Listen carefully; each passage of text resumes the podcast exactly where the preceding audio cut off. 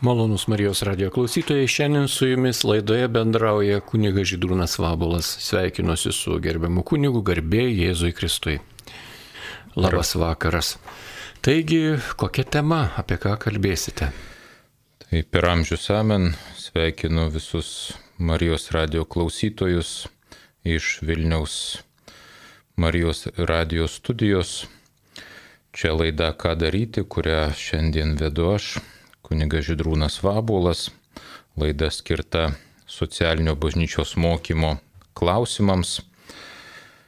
Ką tik kartu meldėmės į Šventą Juozapą, tegu tai būna ir šios laidos pradžios malda, tuo labiau, kad šioje laidoje kaip, kaip tik kalbėsime darbo tema, o Šventasis Juozapas, kaip žinome, buvo darbininkas, dirbo savo rankomis, kad išlaikytų save, išlaikytų savo sužadėtinę Mariją ir savo globotinį Dievo sūnų Jėzų Kristų. O šioje laidoje norėčiau prisiminti dar vieną šventąjį, šventąjį popiežių Joną Paulių II, šiemet minime jo gimimo šimtmetį o visai neseniai, spalio 22-ąją, buvo ir jo liturginis minėjimas. E, liturginis minėjimas yra kaip tik tą dieną, kai Jonas Paulius II 1978 metais pradėjo savo popiežišką tarnystę, aukojo pirmasias viešas šventasias mišes Šventojo Petro aikštėje ir pasakė pamokslą tame pamoksle jis kvietė nebijoti ir atverti duris Kristui. Ir ne tik asmeniškai, ne tik savo širdies duris, bet kaip jis pamokslė sakė, ir ekonominės bei politinės sistemas, kultūros, civilizacijos ir vystimosis rytis. Reikia pasakyti, kad šis popiežius e, atgaivino socialinį bažnyčios mokymą ir suteikė jam naujos jėgos. Socialinis bažnyčios mokymas e, oficialiai tapęs tokiu XIX e, amžiaus pabaigoje, XX amžiaus antroje pusėje buvo patekęs į krizę kaip mokslas, kaip mokymas. Buvo klausima, ar galima apskritai vartoti tokį terminą - socialinis bažnyčios mokymas. Ar gali bažnyčia mokyti apie kintančius dalykus, juk mokymas turėtų būti amžinas, nekintantis. Ir kai bažnyčia moko apie amžinuosius dalykus, skelbia kokias nors tikėjimo dogmas, apie Jėzaus, apie Marijos gyvenimą ar e, tapatybę, tai tada viskas aišku, bet štai jeigu bažnyčia moko apie kažkokius visuomenės gyvenimo dalykus, kiek tai tveria, juk tie, tas visuomenės gyvenimas labai keičiasi. Tai štai e, Jonas Paulius II, dar būdamas kardinolo, paskui ir tapęs popiežiumi, tvirtai pabrėžė, kad Nėra jokios prieštaros, kad bažnyčia moko apie kasdienio gyvenimo dalykus ir kad bažnyčia privalo turėti savo socialinį mokymą, tai yra e, užduoties, kurią ji gavo iš Kristaus įvykdymas. Užduoties evangelizuoti visas tautas, skelbti Evangeliją ir skelbti išganimą žmogui jo gyvenimo tikrovėje. O kadangi žmogaus gyvenimo tikrovė yra ir jo kasdienis gyvenimas, jo darbas, jo šeimos santykiai, e, santykiai su visuomenė, su valdžia, su valstybe, tai bažnyčia negali tylėti ir apie šiuos dalykus.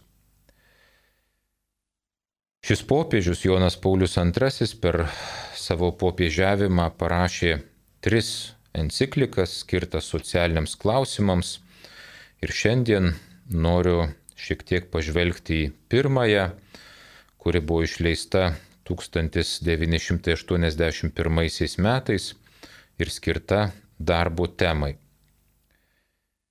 E, enciklikos data 1981 metai buvo pasirinkta simboliškai, nes tais metais sukako 90 metų po pirmosios socialinės enciklikos išleidimo, e, enciklikos, kuri vadinasi Rerum Novarum, ją paskelbė 1891 metais popiežius Leonas XIII.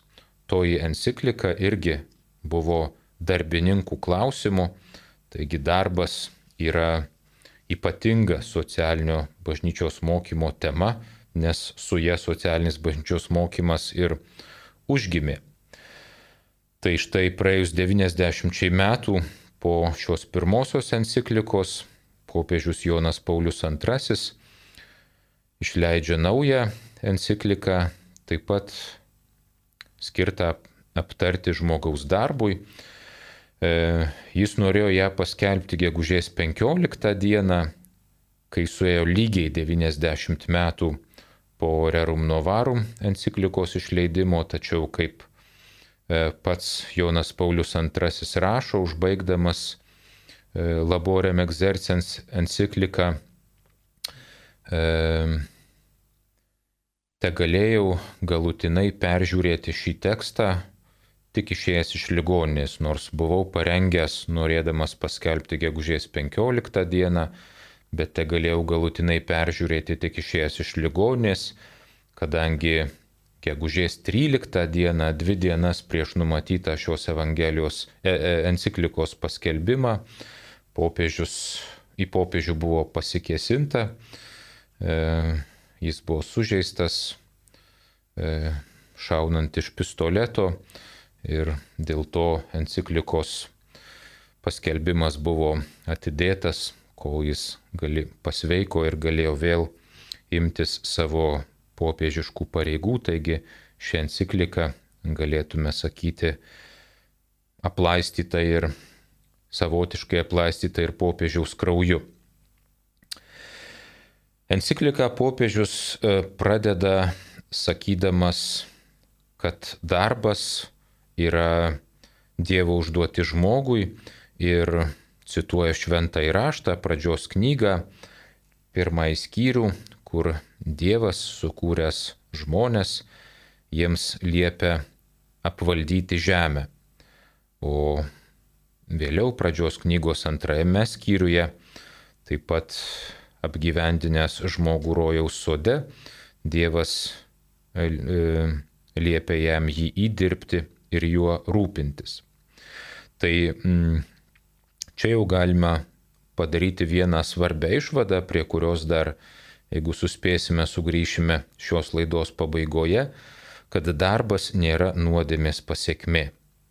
Taip, po nuodėmės prie darbo prisidėjo vargas, triūsas, prakaitas, sunkumas, tačiau pats įsakymas dirbti Dievo žmogui buvo duotas dar prieš nuodėmę.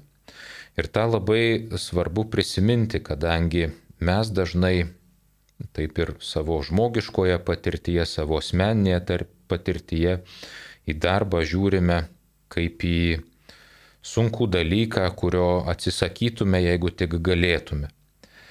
E, ir atrodo, kad e, na, neteisingai prisiminus šventą raštą, atrodo, kad jis yra tik nuodėmės pasiekmė. Štai po nuodėmės žmogui buvo pasakyta savo veido prakaitų užsidirbsi savo duoną ir atrodo, kad čia yra darbo pradžia. Tai nėra tiesa, darbas yra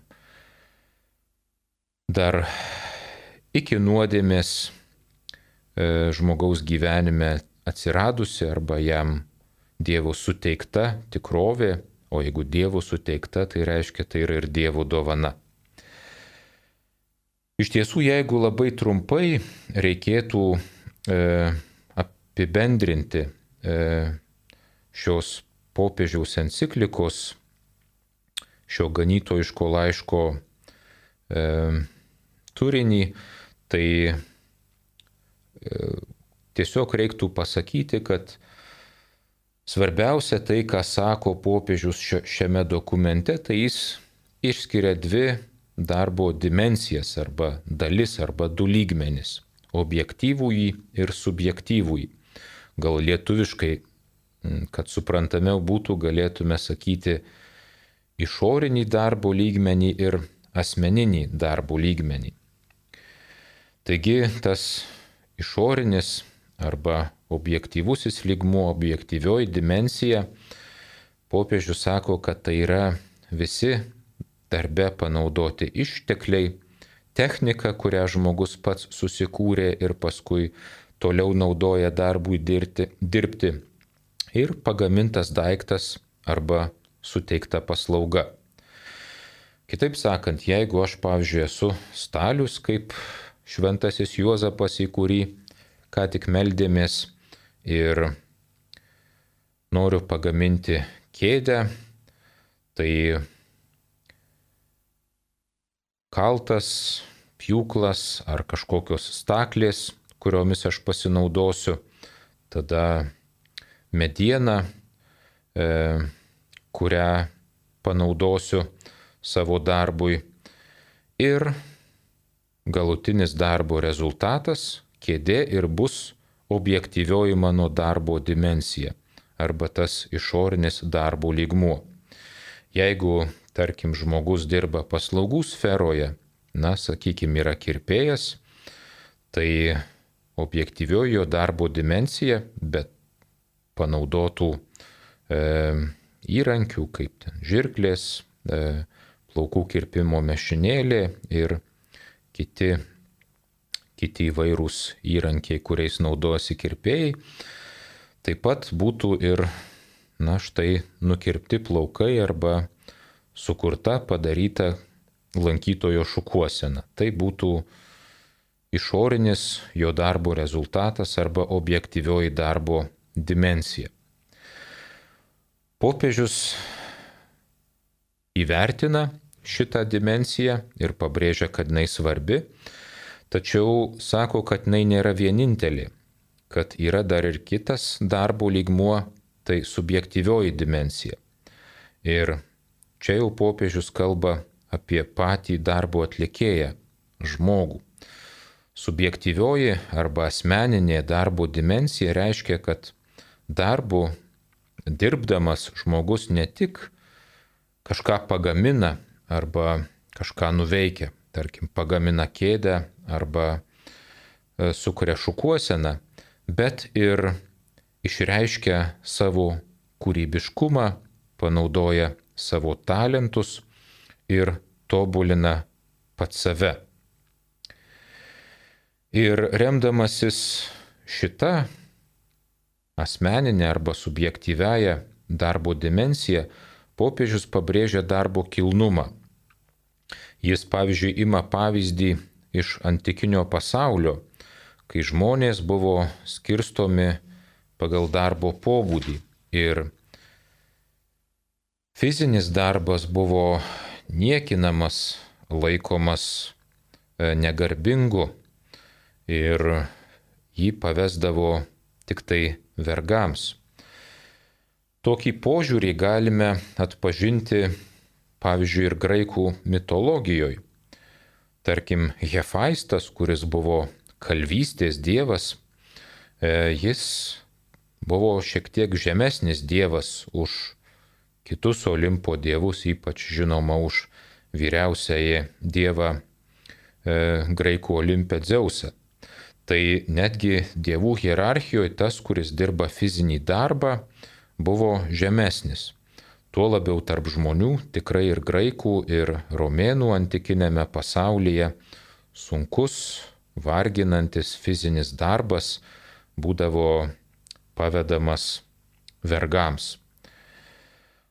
Tuo tarpu krikščionybė, sako popiežius Jonas Paulius II, čia atnešė tam tikrą perversmą. E, jie kalba apie Dievo sūnų, kuris pats didesnę savo gyvenimo dalį dirbo fizinį darbą. Ir dabar cituoju popiežių iš Laborem Exercens enciklikos šešto numerio, pati ši aplinkybė yra iškalbingiausia darbo evangelija, parodanti, jog pagrindas vertinti žmogaus darbui ne atliekamo darbo rūšis, bet faktas, kad jo atlikėjas yra asmuo. Citatos pabaiga. Taigi, bet koks žmogaus darbas, sako popiežius, yra svarbus, kilnus ir garbingas. Ir garbingas jis yra pirmiausia dėl to, kas jį atlieka. Kad, kad jį atlieka žmogus, kad jį atlieka asmuo. Kitaip sakant, nesvarbu, ar tai būtų politiko, ar gydytojo, ar mokytojo darbas, darbai, kuriuos mes laikome svarbiais, kilniais, ar tai tik būtų, tarkim, e, šlavėjo, ar duopkasio, ar atliekų išvežėjo darbas, vis tiek šis darbas yra svarbus ir kilnus dėl to, kad jį atlieka asmuo, žmogus. Šis subjektyvusis darbo aspektas enciklikoje nuolat kartojamas ir jis padeda taip pat ir mums pasidaryti kai kurias praktinės išvadas, juk ši laida vadinasi ką daryti. Tai yra mes, mūsų tikslas šioje laidoje ne tik sužinoti kokias nors teorinės tiesas, kurias randame popiežių dokumentuose ar šventajame rašte, bet ir suprasti, kaip jas galima pritaikyti. Tai viena vertus ši, šis asmeninis darbo lygmuo, subjektyvusis darbo lygmuo yra paskatinimas mums patiems susimastyti, ar mes tikrai vertiname kiekvieną žmogaus atliekamą darbą. Dėl to, kad jį atlieka žmogus. Tiesą sakant, ir pas mus, ir mūsų visuomenėje fiziniai darbai menkinami ir laikomi mažiau garbingais. Ir kartais tenka girdėti, ir man vaikystėje tekdavo girdėti, ir dabar e, kartais tenka girdėti, kaip vaikai mokomi, na va, jeigu nesimokysi, tai eis išluot gatvės.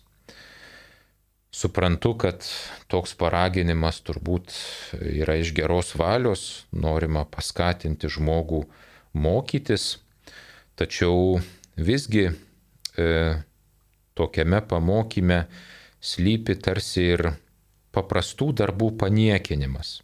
Štai jeigu arsi žemę arba šluosi gatves, tai tavo darbas bus mažiau vertingas ir tu pats būsi mažiau vertingas. Ir čia turbūt reiktų tikrai pakeisti mums patiems mūsų galvoseną ir suprasti, kad net jeigu darbas yra fiziškai sunkesnis, net jeigu jis yra mažiau apmokamas, net jeigu jis yra e, netoks matomas visuomenėje, bet iš tiesų dėl šitos popiežiaus minimos subjektyviosios dimensijos jis e, vis tiek yra labai svarbus, nes atliekamas žmogaus ir pats žmogus jam suteikia kilnumo.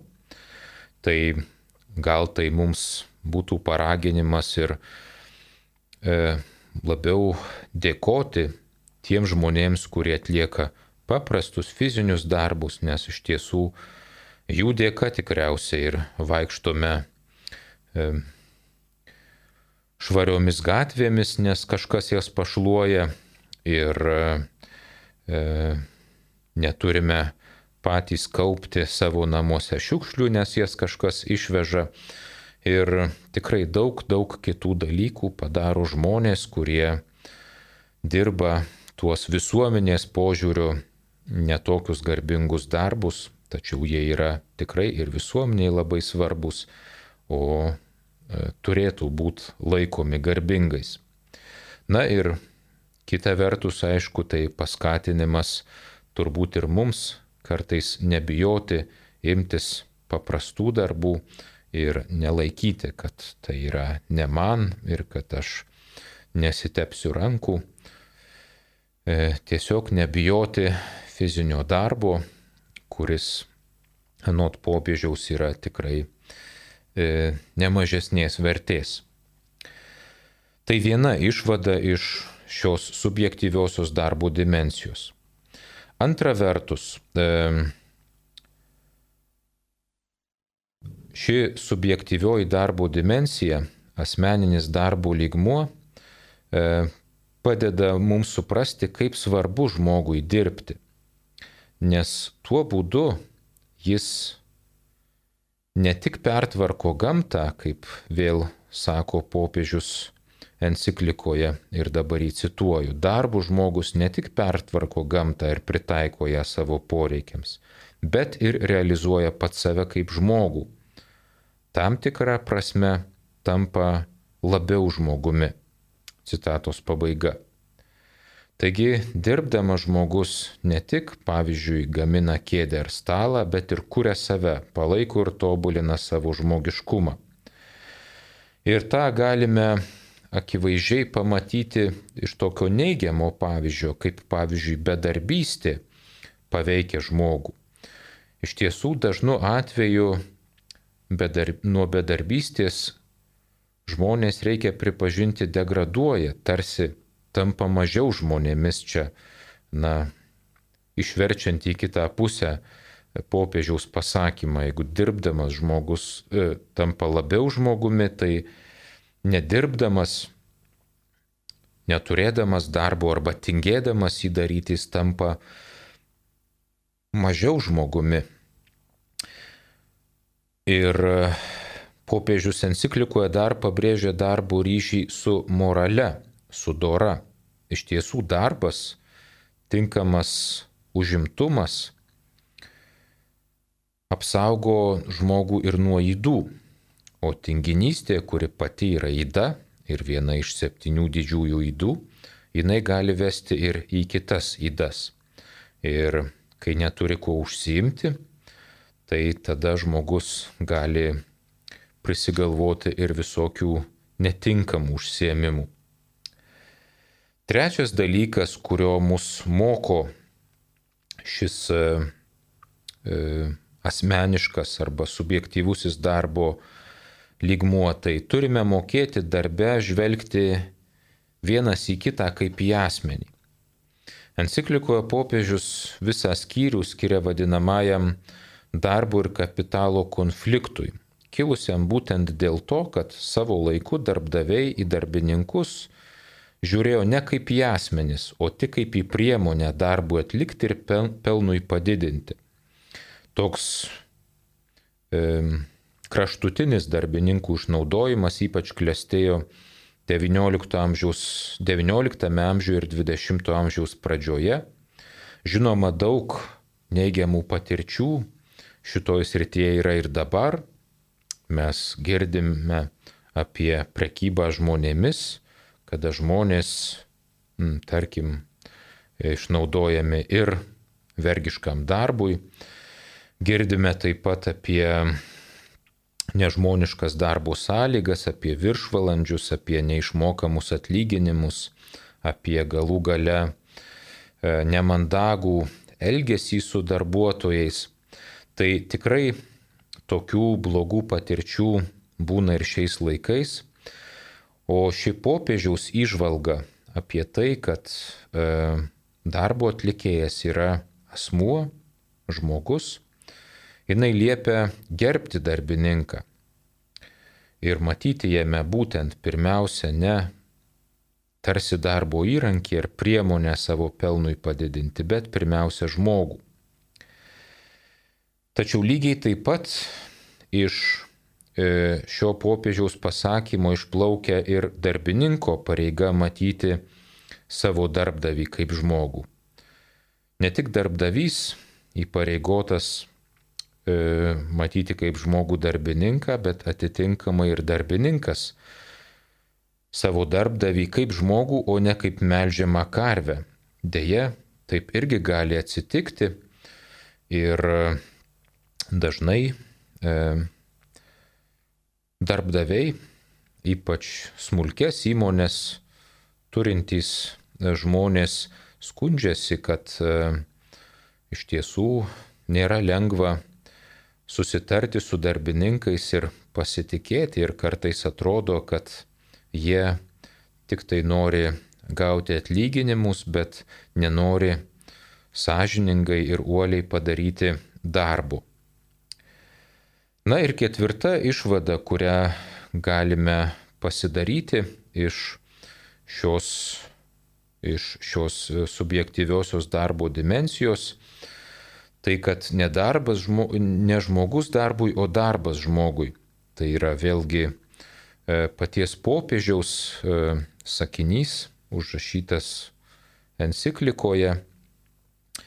Ir šis posakis vėl E, pakartoja tą patį, ką, kad tik jau, ką ką tik jau įvardinome, tai e, kad negalima kito žmogaus naudoti kaip priemonės, bet taip pat ir negalime savęs pačių darbui pavergti.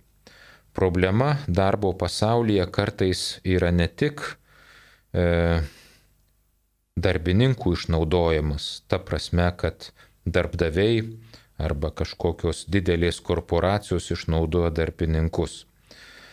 Problema kartais žmogaus santykėje su darbu yra, kad jis pats save padaro darbo vergu e, ir patenka į darbo priklausomybę ir tada neranda laiko nei savo darbo vaisiais pasidžiaugti, nei su kitais žmonėmis pabūti, nei, tarkim, į Dievą akis pakelti. Ir labai dažnai mes kunigai klausykloje susidurėme su tokia situacija, kad žmonės išpažįsta nelankantį sekmadienio mišių ir kai klausi priežasties, kodėl, tai sako labai daug darbų. E, ir žinoma, jeigu žmogus dirba kažkokį darbą slenkančių grafikų ir jam kartais tenka dirbti savaitgaliais, tai tada tai pateisinama priežastis ir žmogus negali to pakeisti. Bet kartais žmonės atidirbę penkias darbo dienas, paskui užsima kitais savo darbais darbuojasi sode, namuose, darosi remontus arba dar kažką dirba savarankiškai, asmeniškai, taip, kad nebelieka laiko, kaip minėjau, nei su šeima pabūti, nei į Dievą akis pakelti. Ir e, popiežiaus įvardinama subjektyvioji darbo dimensija, kad e, žmogus yra darbo atlikėjas, kad asmuo yra darbo atlikėjas, mums primena, kad darbas yra žmogui, o žmogus neturi būti pavergtas darbui. Tiek šioje pirmojo laidos dalyje. Dabar kviečiu trumpai pasiklausyti muzikos, po kurios vėl grįšime į studiją ir toliau kalbėsime apie Jono Pauliaus antrojo encikliką Laborem Exercens skirtą žmogaus darbui. O pertraukoje jaunimo dienų himnas Būk drasus, nebijok.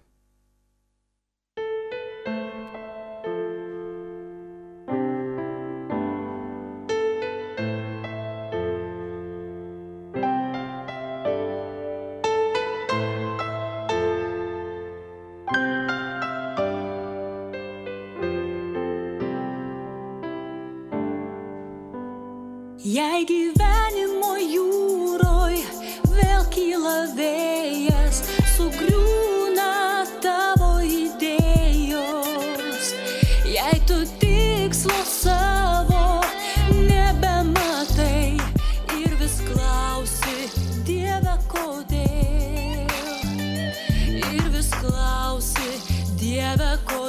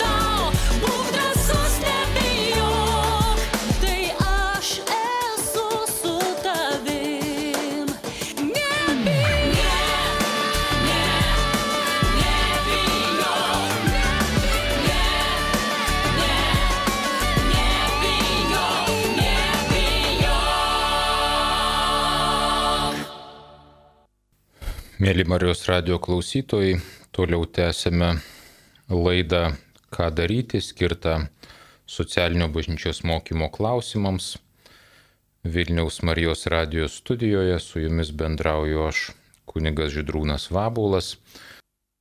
Prieš tai pasakėme svarbiausią popiežiaus mintį šitoje encikliko išreikštą, kad žmogaus darbas vertintinas ne tik objektyvėje, bet ir subjektyvėje prasme.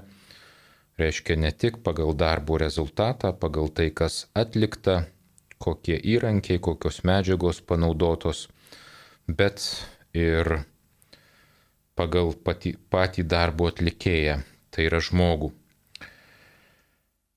Remdamasis šitą subjektyvęją dimensiją, popiežius kalba apie pareigą dirbti ir apie teisę į darbą bei teisės darbe. Pirmiausia, jis pamini, kad darbas yra pareiga. Cituoju popiežių, darbas yra, kaip buvo sakyta, priedermė žmogaus pareiga ir tai keliais atžvilgiais.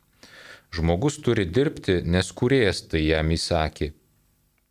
Taip pat dėl savo paties žmogiškumo kurio išlaikymas ir išugdymas reikalauja darbo. Žmogus turi dirbti atsižvelgdamas į artimą, ypač į savo šeimą, taip pat į visuomenę, kuriai priklauso, į tautą, kurios jis yra narys, būdamas prieš įgyvenusių kartų darbo paveldėtojas ir kartu bendra kūrėjais ateities tų, kurie po jo ateis istorijos vyksme. Visą tai sudaro moralinę darbo prievolę plačiausia prasme. Citatos pabaiga. Tai apibendrinant šituos popiežiaus žodžius, e, darbas žmogui yra prievolė, yra pareiga keliais atžvilgiais. Pirmiausia, nes tai Dievo įsakymas. Mes esam Dievo kūriniai ir Dievas įsako mums dirbti. Tai Dievo įsakymui reikia paklusti. Ir žinom, kad pagal tokį patį paprasčiausią apibrėžimą nuodėmė tai yra nepaklusimas Dievo įsakymui. Tai kaip ir kitiems, taip ir šiam Dievo įsakymui e, turime paklusti. Antras dalykas, nes žmogus privalo dirbti, nes taip kuria ir tobulina pats save. Čia vis ta subjektyvioji darbo prasme, subjektyvioji darbo dimensija. E, Dievas sukūrė mus pagal savo paveikslą ir panašumą, o nori, kad toliau ir mes patys save kurtume ir ištobulintume savo žmogiškumą. Ir vienas iš būdų, kaip mes tą galim daryti, tai būtent imtis darbo, dirbti. Na ir trečias dalykas, kad e, darbas yra pareiga, nes taip žmogus prisideda prie kitų gerovės. Popiežius čia sako, e, kad e, e, žmogus turi dirbti atsižvelgdamas į artimą, ypač savo šeimą, visuomenę, tautą ir taip toliau. Kitaip sakant, dirbdamas, gamindamas tam tikrus dalykus ar teikdamas tam tikras paslaugas, aš prisidedu prie bendro visuomenės gėrio ir sukuriu tam tikrų gerybių, kurių reikia kitiems, kaip kiti dirbdami sukuria tam tikrų gerybių, kurios būtinos man ir kuriuo aš pats gal negalėčiau pasigaminti arba ko pats negalėčiau pasidaryti, tada kreipiuosi pagalbos į kitus ir kiti savo darbu man padeda, lygiai taip pat aš savo darbu turiu padėti kitiems, prisidėti prie bendro visuomenės labo. Popiežius, kaip minėjau, kalba ir apie įvairias teisės, pirmiausia, apie pačią teisę į darbą. Ir pagrindžiais šią teisę tuo pačiu kaip ir pareiga. Tai yra, žmogus turi teisę į darbą dėl tų pačių priežasčių, kaip jis turi ir pareigą dirbti. Nes Tai yra Dievo įsakymas, žinoma, šitas argumentas galioja tik tikintiems, bet paskui, nes e, taip jis tobulina save, taigi negalima žmogui atimti galimybės tobulinti save, e, aukti, e, panaudojant savo talentus, e, panaudojant savo kūrybiškumą. O taip pat žmogus turi teisę į darbą, nes taip jis prisideda prie kitų gerovės, bet aišku, pirmiausia, susikuria savo gerovę, jis prasimaitina pats, jis išmaitina savo šeimą, savo artimuosius ir tam, kad jis galėtų e, teisėtai įsigyti savo gyvenimui ir išgyvenimui būtinų dalykų, jis e, turi dirbti. Taip pat popiežius kalba apie įvairias teisės darbe, apie teisingą užmokestį už darbą, apie socialinės garantijas, apie teisę burtis į profesinės sąjungas, taip pat apie teisę į poilsį. Iš šitų išvardintų teisių e, daugiausia dėmesio mūsų nagrinėjamoje enciklikoje skiriama, skiriama teisingam atlyginimui. Nėra lengva apibrėžti koks atlyginimas yra teisingas. Gal daugelis iš klausytojų sakytų, kad gauna už savo darbą per mažai. Matyt, neretas tikrai darbuotojas, kokį be užklaustum, sakytų, kad nėra pakankamai jam atlyginama už darbą, o darbdaviai iš savo pusės tikriausiai skūstųsi, kad e, atlyginimai dideli ir kad e, neturi kaip jų išmokėti savo darbuotojams. Bažnyčia iš tiesų, kalbėdama apie atlyginimo teisingumą, irgi e, nenurodo nei skaičių, kokio dydžio atlyginimas turėtų būti, bet tik pateikia principas, principus, kaip teisingas atlyginimas turėtų būti nustatomas. Viena aišku, kad jis žinoma negali būti nustatomas tik susitarimo pagrindu. Ta sakė jau Leonas XIII, kuris, kaip minėjau, XIX amžiaus pabaigoje irgi buvo išleidęs encikliką, popiežišką laišką darbininkų klausimų. Ir ten siekė apginti darbininkus, kurie, kaip jisai sakė, buvo patekę į neteisėtą vergyją, nors e, vergovės tuo metu nebuvo.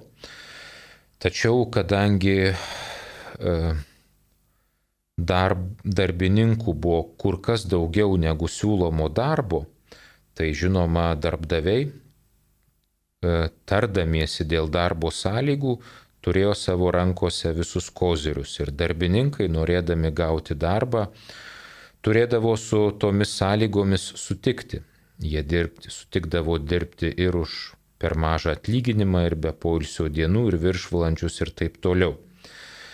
Tai e, tie, kurie pritarė visiškai laisvam darbo pasaulio reguliavimui, kad atseit E, dar, darbo sąlygos ir atlyginimas yra tik tai darbdavio ir darbininko susitarimo reikalas, e, nebūtų teisūs, nes žmonė jau turėjusi tokią patirtį ir e, tai, kas tuo metu buvo mokama darbininkam, tikrai nebuvo teisingas atlyginimas. Taigi socialiniam bažnyčios mokymė sakoma, kad teisingam atlyginimui neužtenka e, tik tai abipusio susitarimo, reikia dar laikytis ir socialinio teisingumo pagrindų. Skaičiuojant atlyginimą turi būti atsižvelgta ne tik į prekės pardavimo kainą, bet ir įdėto darbo vertę, o tas įdėtas darbas irgi e, ne tik tiesioginis kiek žmogus, kiek darbuotojas sugaišta atlikdamas tam tikrą darbą, bet ir jo kvalifikacija, kiek jis galbūt mokėsi, kiek e, ruošėsi, kad būtų pajėgus tokį darbą atlikti. Tarkim, e, jeigu gydytojas, chirurgas operuoja 3 valandas e, ir kažkas dirba kokį paprastesnį darbą, na tarkim, 3 valandas šluoja gatvę, tai kaip minėjau, gatvės šlavimas irgi yra garbingas dalykas, tačiau e, pinigais atlyginti tiek pat e, vienam ir kitam turbūt būtų neteisinga, kadangi gydytojas sugaišo labai daug laiko, skyrė labai daug laiko, kad taptų gydytojais, ilgai mokėsi, e, keletą, jeigu ne keliolika metų. Ir tik dėl to, kad jis ilgai mokėsi, gali dabar atlikti tą operaciją. Tad e, būtina atsižvelgti ir į įdėto darbo vertę, skaičiuojant, koks atlyginimas yra teisingas, įvairūs popiežiai bandė e, taip pat pateikti konkretesnių kriterijų, sakykime, Pijus XI gyvenęs e, pirmoje 20-ojo amžiaus pusėje, kalbėdamas apie teisingą atlyginimą, pateikia tris kriterijus. Pirmiausia, kad teisingas atlyginimas leistų e, garbingai ir oriai gyventi tiek pačiam darbininkui, tiek jo šeimai. Tada, žinoma, jis turi, jį skaičiuojant turi būti atsižvelgta į įmonės padėtį ir jos išlikimo bei gerovės sąlygas, o taip pat į bendrojo gėrio kontekstą. E, Jonas 23, kitas popiežius šventasis, prideda dar du kriterijus, tai realaus įdėto darbo kriterijus ir universalaus arba visuotinio bendrojo gėrio kriterijus. Tai kaip matome, popiežiai kalbėdami apie teisingą atlyginimą, žinoma, sako, kad e, turi būti socialinis teisingumas, kad darbininkas ir jo ši, e, turi oriai gyventi ir pajėgti išlaikyti šeimą, tačiau jie taip pat pamini ir įmonės padėtį, jos išlikimo ir gerovės sąlygas. Tai reiškia, kad kartais e, tas teisingas atlyginimas e, gali būti netoks didelis, kokio darbininkas norėtų, bet pavyzdžiui, jeigu įmonė išgyvena sunkumus, tai tada e, visi turi tuos sunkumus pasidalinti ir turi galbūt kažkurį laiką dirbti už mažesnį atlyginimą. Tuo aišku negalima piknaudžiauti, bet tai irgi yra svarbus kriterijus, kalbant apie atlyginimo teisingumą. Tai tokias, e, tokias teisės popiežius Jonas Paulius II išvardina enciklikoje Laborem exercens ir žinoma apie jas galime pagalvoti kiekvienas, kai mastome apie savo atlyginimą tiek arba mūsų darbuotojų atlyginimą. Čia darbdaviai žinoma turėtų pagalvoti, ar tikrai pakankamai atlygina savo e, darbuotojams ir ar tikrai negalėtų įmonė pasidalinti daugiau pelno su tais, kurie tą pelną uždirba, o darbuotojai savo ruoštų visada turėtų prisiminti, kad negali reikalauti per daug, e, nes kartais e, tas jų didesnis atlyginimas gali reikšti, kad e, dalis pinigų paimama iš kitų atlyginimų arba iš lėšų, kurios būtinos įmonės veiklai tęsti. Tai tiek šiandien pamastymų apie žmogaus darbą Šventojo Jono Pauliaus antrojo enciklikos Laborem Exercens pagrindu. Linkiu visiems labos nakties, palaim, Dievo palaimos ir džiaugsmo dirbant tuos darbus, kuriuos turime. Garbė Jėzui Kristui. Šioje laidoje su jumis bendravo kuniga Židrūnas Vabulas. Likite su Marijos radiju.